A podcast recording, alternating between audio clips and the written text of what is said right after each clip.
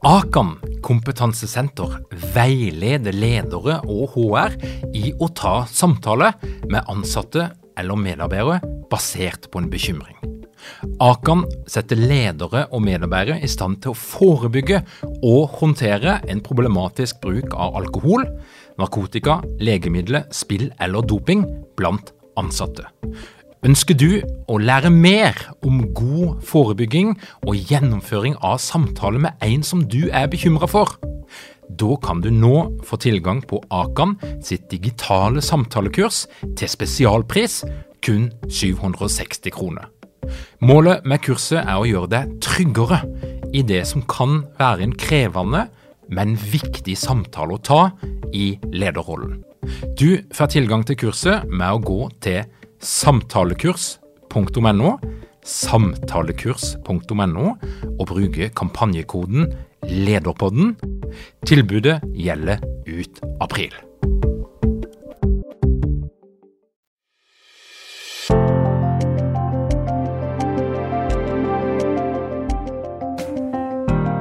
Velkommen til Lederpodden. Mitt navn er Tor Åge Eikerapen. Jeg jobber som organisasjonspsykolog og dette her, det er en podkast om ledelse. Hvis du er leder, så er en del av jobben din at du skal få virksomheten til å nå et eller annet mål der framme. Det kan være kortsiktig, det kan være langsiktig, det kan handle om økonomi, det kan handle om kvalitet, det kan handle om posisjon, men lederens fremste mandat det er å skape et eller annet form for resultat. Og Det er mange definisjoner på hva ledelse er for noe, men en definisjon som er ofte brukt, det er at ledelse det handler om å skape resultatet gjennom andre. Og Skal du klare det, så betyr det at du må klare å nå fram til de andre. Du må av og til klare å tenne en liten gnist. Eh, du må òg kanskje legge til rette sette eller framkalle eh, det vi kaller for motivasjon. Og så er det jo en egen diskusjon. Er det i hele tatt mulig å motivere noen, eller må den motivasjonen bare komme innifra? Og er det, er det mulig å lokke den ut i så fall, hvis vi snakker om den her indre motivasjonen. Og det er helt klart at i det daglige så, så, er det jo der det meste skjer. Altså i din kontakt med dine medarbeidere. Din måte å være på, din måte å snakke på, din eh, evne til å gjøre det samme som du sier, altså forbindelsen mellom ord og handling og eh, strategi, måten du organiserer arbeid på, din analytiske evne til å forstå det som kommer ned i veien, og hvilke endringer du ikke må ta høyde for. Det er altså en eh, veldig lang, en lang liste med ferdigheter med egenskaper som en tenker må være på plass hvis du skal fungere optimalt som en leder. Og så er det noen arenaer der du utøver ledelse kanskje i enda større grad enn andre steder.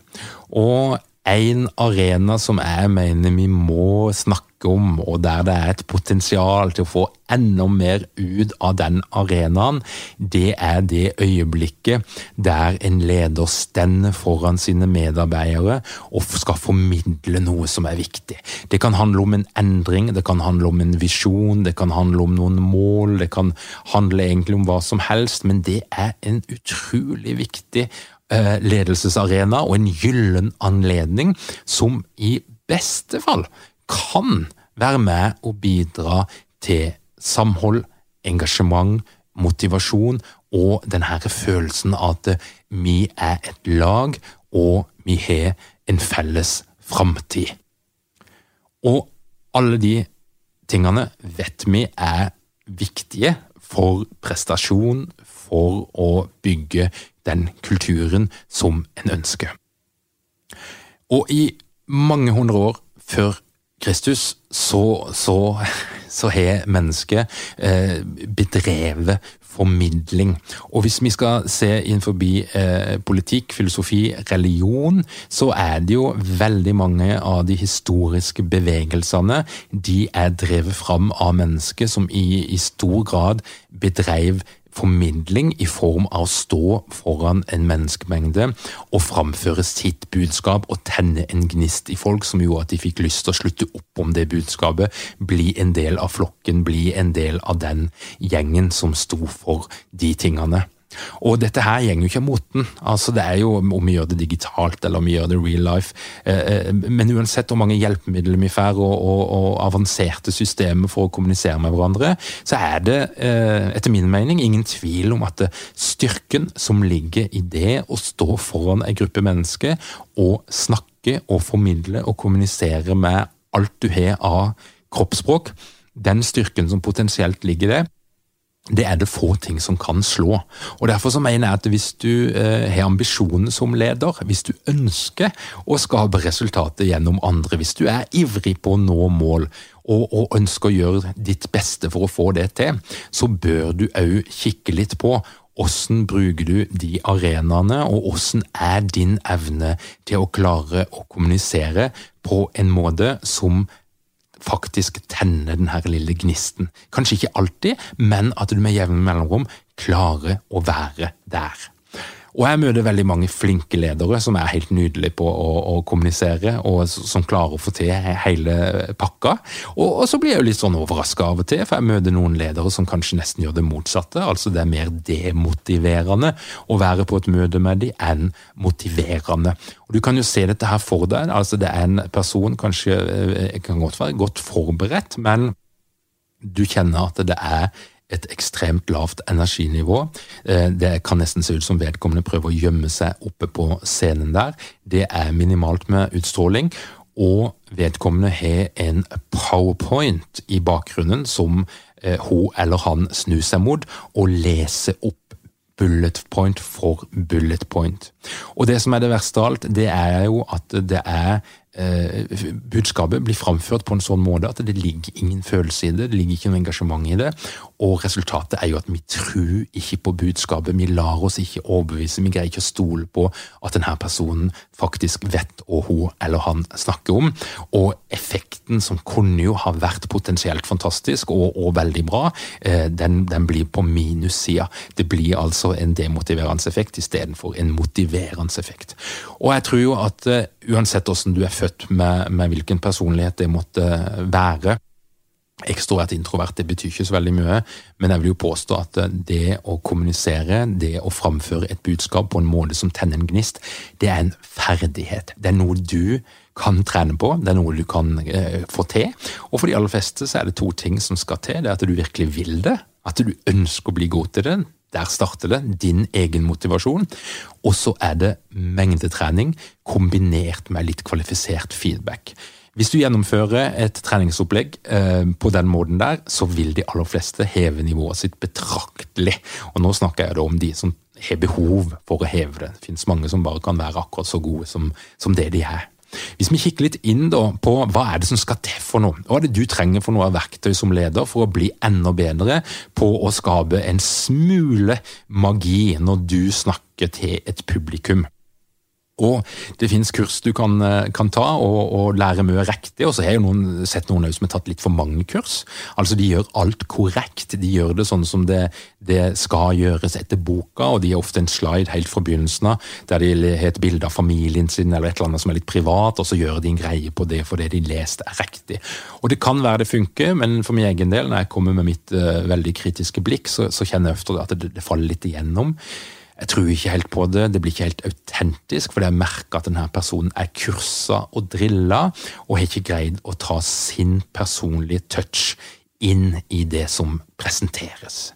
Jeg tenker iallfall at det er et par stikkord. Energi er noe som jeg er litt opptatt av. Og da finnes det introvert og ekstrovert energi, mange måter å ha det på. Men eh, en eller annen form for energi, tilstedeværelse, evne til å skape kontakt med publikummet sitt, bør være der. For at jeg skal la meg forføre, i hvert fall. Og eh, helt underbevisst så vet jeg òg at eh, vi mennesker, vår hjerne, vår psykologi, er bygd opp på den måten der at vi gjør underbevisste vurderinger av troverdighet. Og et stikkord det er jo autentisitet. Altså tror jeg at dette her er ekte, ekte, et ekte menneske som stender foran meg, eller er det et produkt av en ledelses- eller kommunikasjonsrådgiver som, som egentlig har, har, lagt løpet her? Energi og autentisitet. Hvis vi da skal gå litt mer historisk til verk, så var det sånn 340 eller ca. noen sånne år før Kristus, så, så, gjorde Aristoteles en viktig jobb, og han etablerte det som da er blitt kalt for Aristoteles' retoriske bevismidler. Og han mente at eh, hvis du skal ha en tale, og du skal overbevise mennesket om, om å tro på det du sier, så er det noen verktøy, noen virkemidler du kan bruke, og, og som gjør at du, du lykkes. Og han, eh, han fremheva tre faktorer som han mente var avgjørende. så det var ikke sånn at Du trengte ikke alt nødvendigvis på en gang, men, men du burde iallfall ha eh, et par av de her tre virkemidlene inne for å lykkes med din tale og ditt forsøk på å overbevise noen om noe. Og det er jo veldig ofte det det handler om.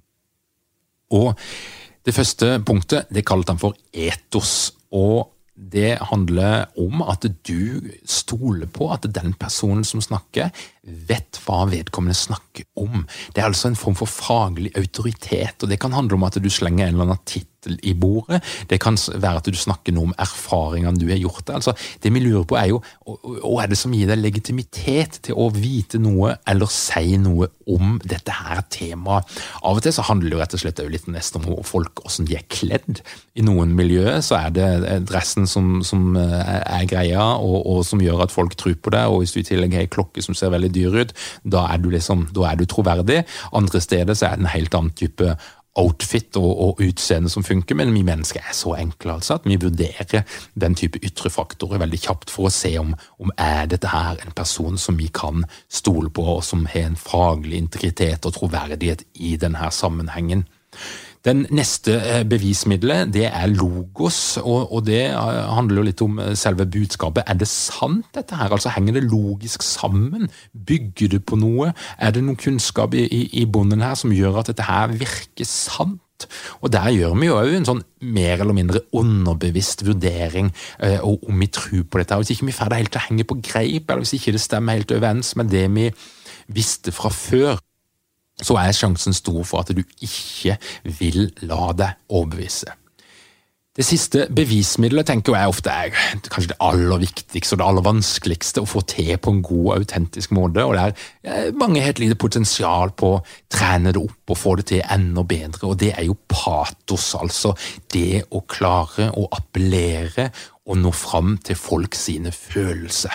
For det er jo først når vi kjenner det litt, altså når vi blir bevega, enten gjennom begeistring, men det kan òg være gjennom frykt eller bekymring, det er ma mange følelser å spille på, men når en, en taler eller en leder klarer å treffe følelsene våre, som vi kan liksom kjenne litt på at dette det er viktig. Det er viktig for oss, det er viktig for meg, det er viktig for samfunnet, eh, eh, og, og, og jeg tror på det.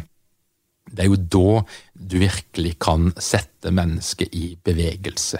Og Det betyr jo at, at ledere som har dette her inne, eh, som både har den faglige troverdigheten eller autoriteten, og som klarer å bygge opp argumentasjonsrekke og en logikk i måten de formidler på, som gjør at du tror på det, og samtidig klarer å uttrykke seg på en sånn måte at det treffer.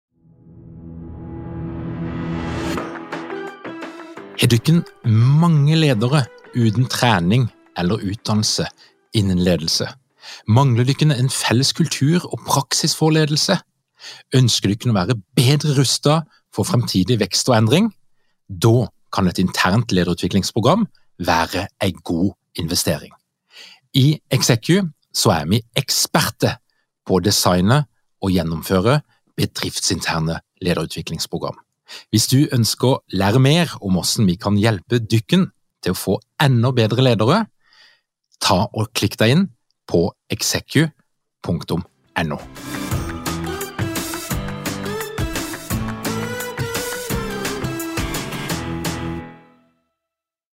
følelsene dine, de har jo da en veldig fordel sammenlignet med andre ledere når det gjelder å nå fram, skape engasjement og skape endring. For det er jo ofte det som er målet med, med en sånn type formidlingsoppgave, formidlingsferdighet. Du, du skal få noe til å skje, enten på et indre eller et ytre plan. Hvis vi, vi, trekker det litt lenger, da, og, og kanskje går litt ut forbi selve eh, tallformatet, men en litt sånn, i, til en, en, litt større sammenheng, så har vi en, en eh, kar som, som, mange har hørt om, eh, og som er en, fremdeles en stor guru innenfor salg, ehm, og, og, alle som prøver, skal prøve å få deg til å bli overbevist om et eller annet. I politikken så bruker de det jo massevis.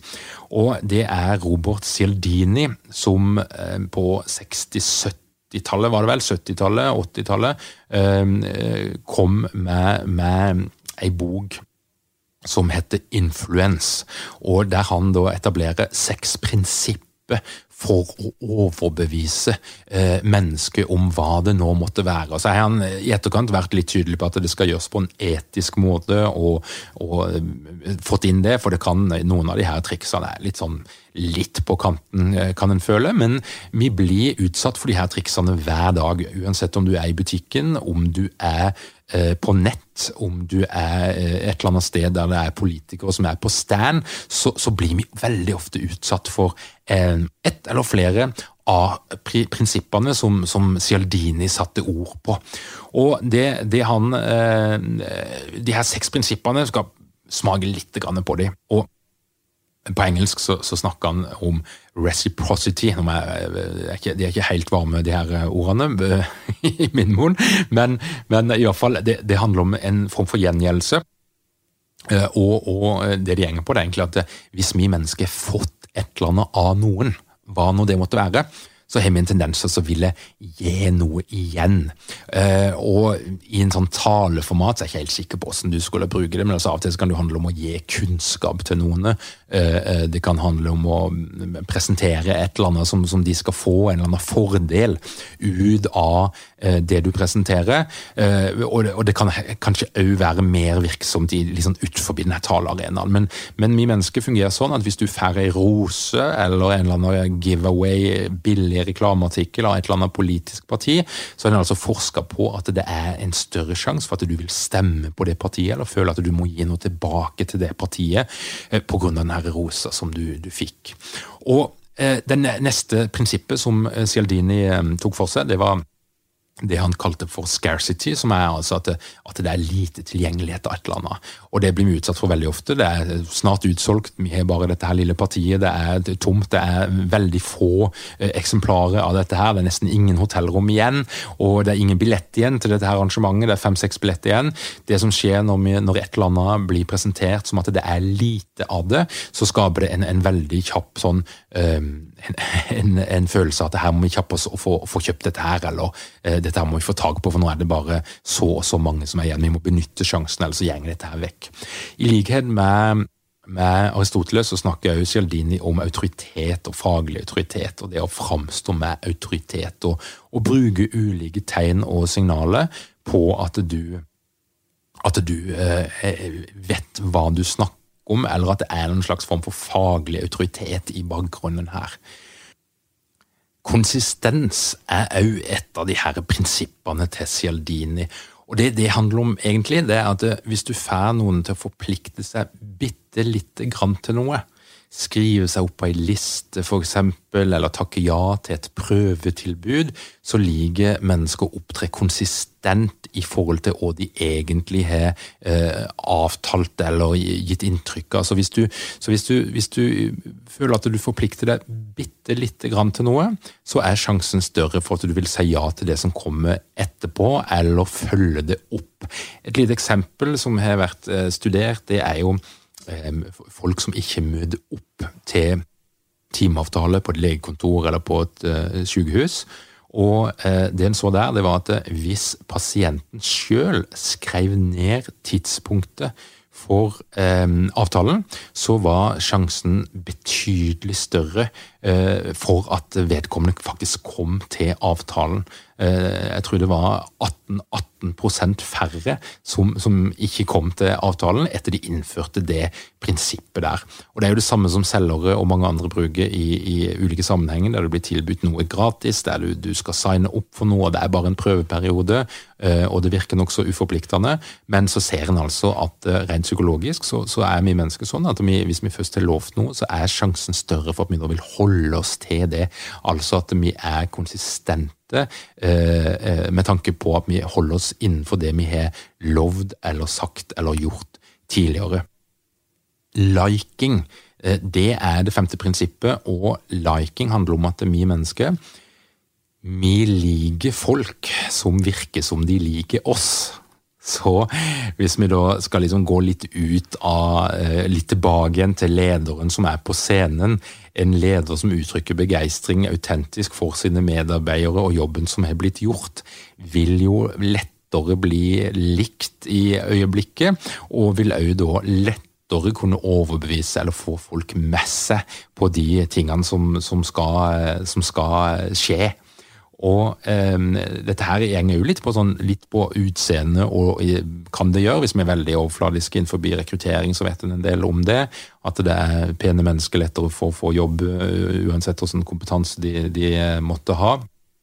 Men òg eh, når det gjelder det å kanskje bli litt kjent med hverandre, bli kjent med folk, vise at du kjenner folk i ulike sammenhenger, og, og bruke tid på den delen der, kan òg gjøre at det er lett lettere å, å skape den bevegelsen som du, som du, ønsker.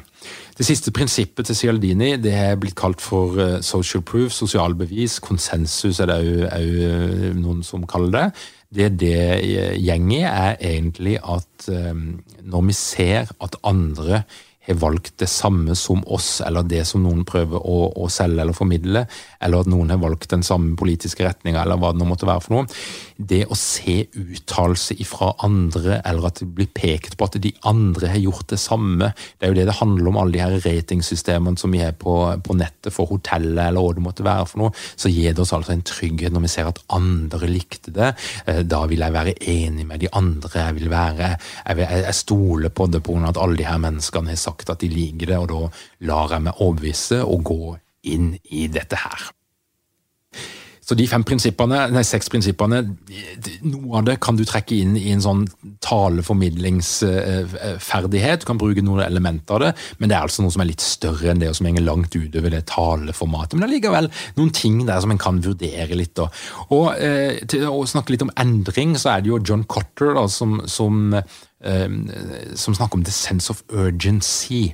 Og Det handler om at hvis du skal innføre en endring i en organisasjon, så må du greie å pinpointe Hvorfor skal vi gjøre dette her? Hva er grunnen? Og Da, du, da må du bruke hele spekteret, altså både logikken i hvordan du bygger dette her opp, du må spille kanskje på noen følelse, og um, du må greie å skape et bilde av hva er konsekvensen hvis vi ikke gjør det. Er det da sånn at alt vil gå skikkelig ad undas, eller er det det at vi vil oppnå noe helt fantastisk? Men du må jo tenke på at medarbeidere blir motivert av ulike ting. Noen blir jo motivert av what's in it for me, altså hva innebærer denne endringen for meg personlig av positive og negative ting. Andre er opptatt av teamet sitt, avdelinga si. Noen er opptatt av hele virksomheten, det er kanskje de en helst snakker til ofte. Og noen er opptatt av den mer samfunnsmessige påvirkninga som denne endringa vil ha. Og det må du òg ta høyde for, at skal du presentere en endring, så må du ha tenkt igjennom disse tingene hvorfor gjør vi det, og òg huske at folk er ulike måte å bli motivert på, og noen er opptatt av seg sjøl og sitt.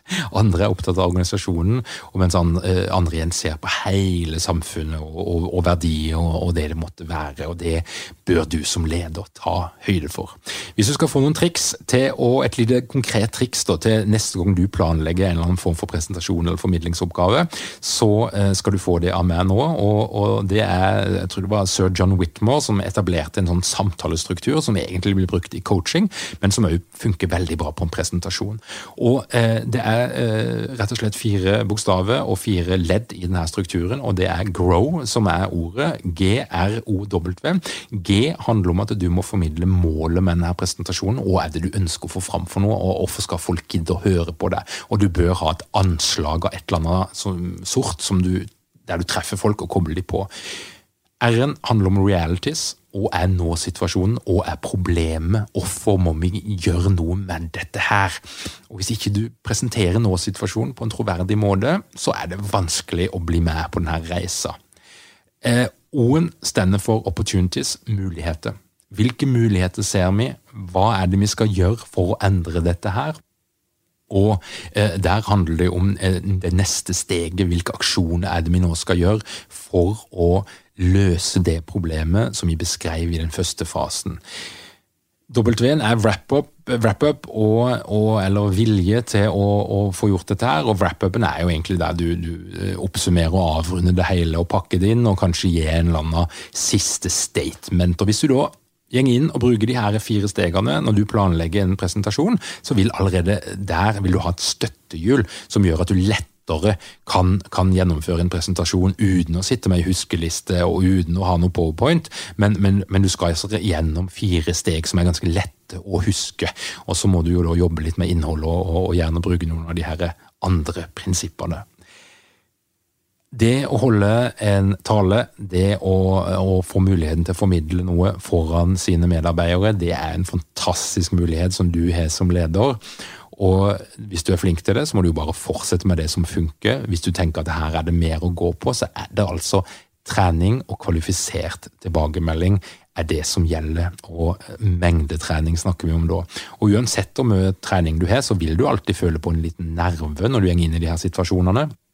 Og det skal du ha. Det gjør deg skjerpa, det gjør deg konsentrert, og det fortjener publikum ditt, og deg sjøl òg, eh, det lille stresset. Men stresset må bare håndteres på en god måte. Det var altså dagens Lederpodden. Tusen takk for at du hører på. Lykke til med dine presentasjoner og formidling, og jeg håper du klarer å tenne den lille gnisten eh, hos dine medarbeidere. Lykke til med det, og takk for at du hører på Lederpodden.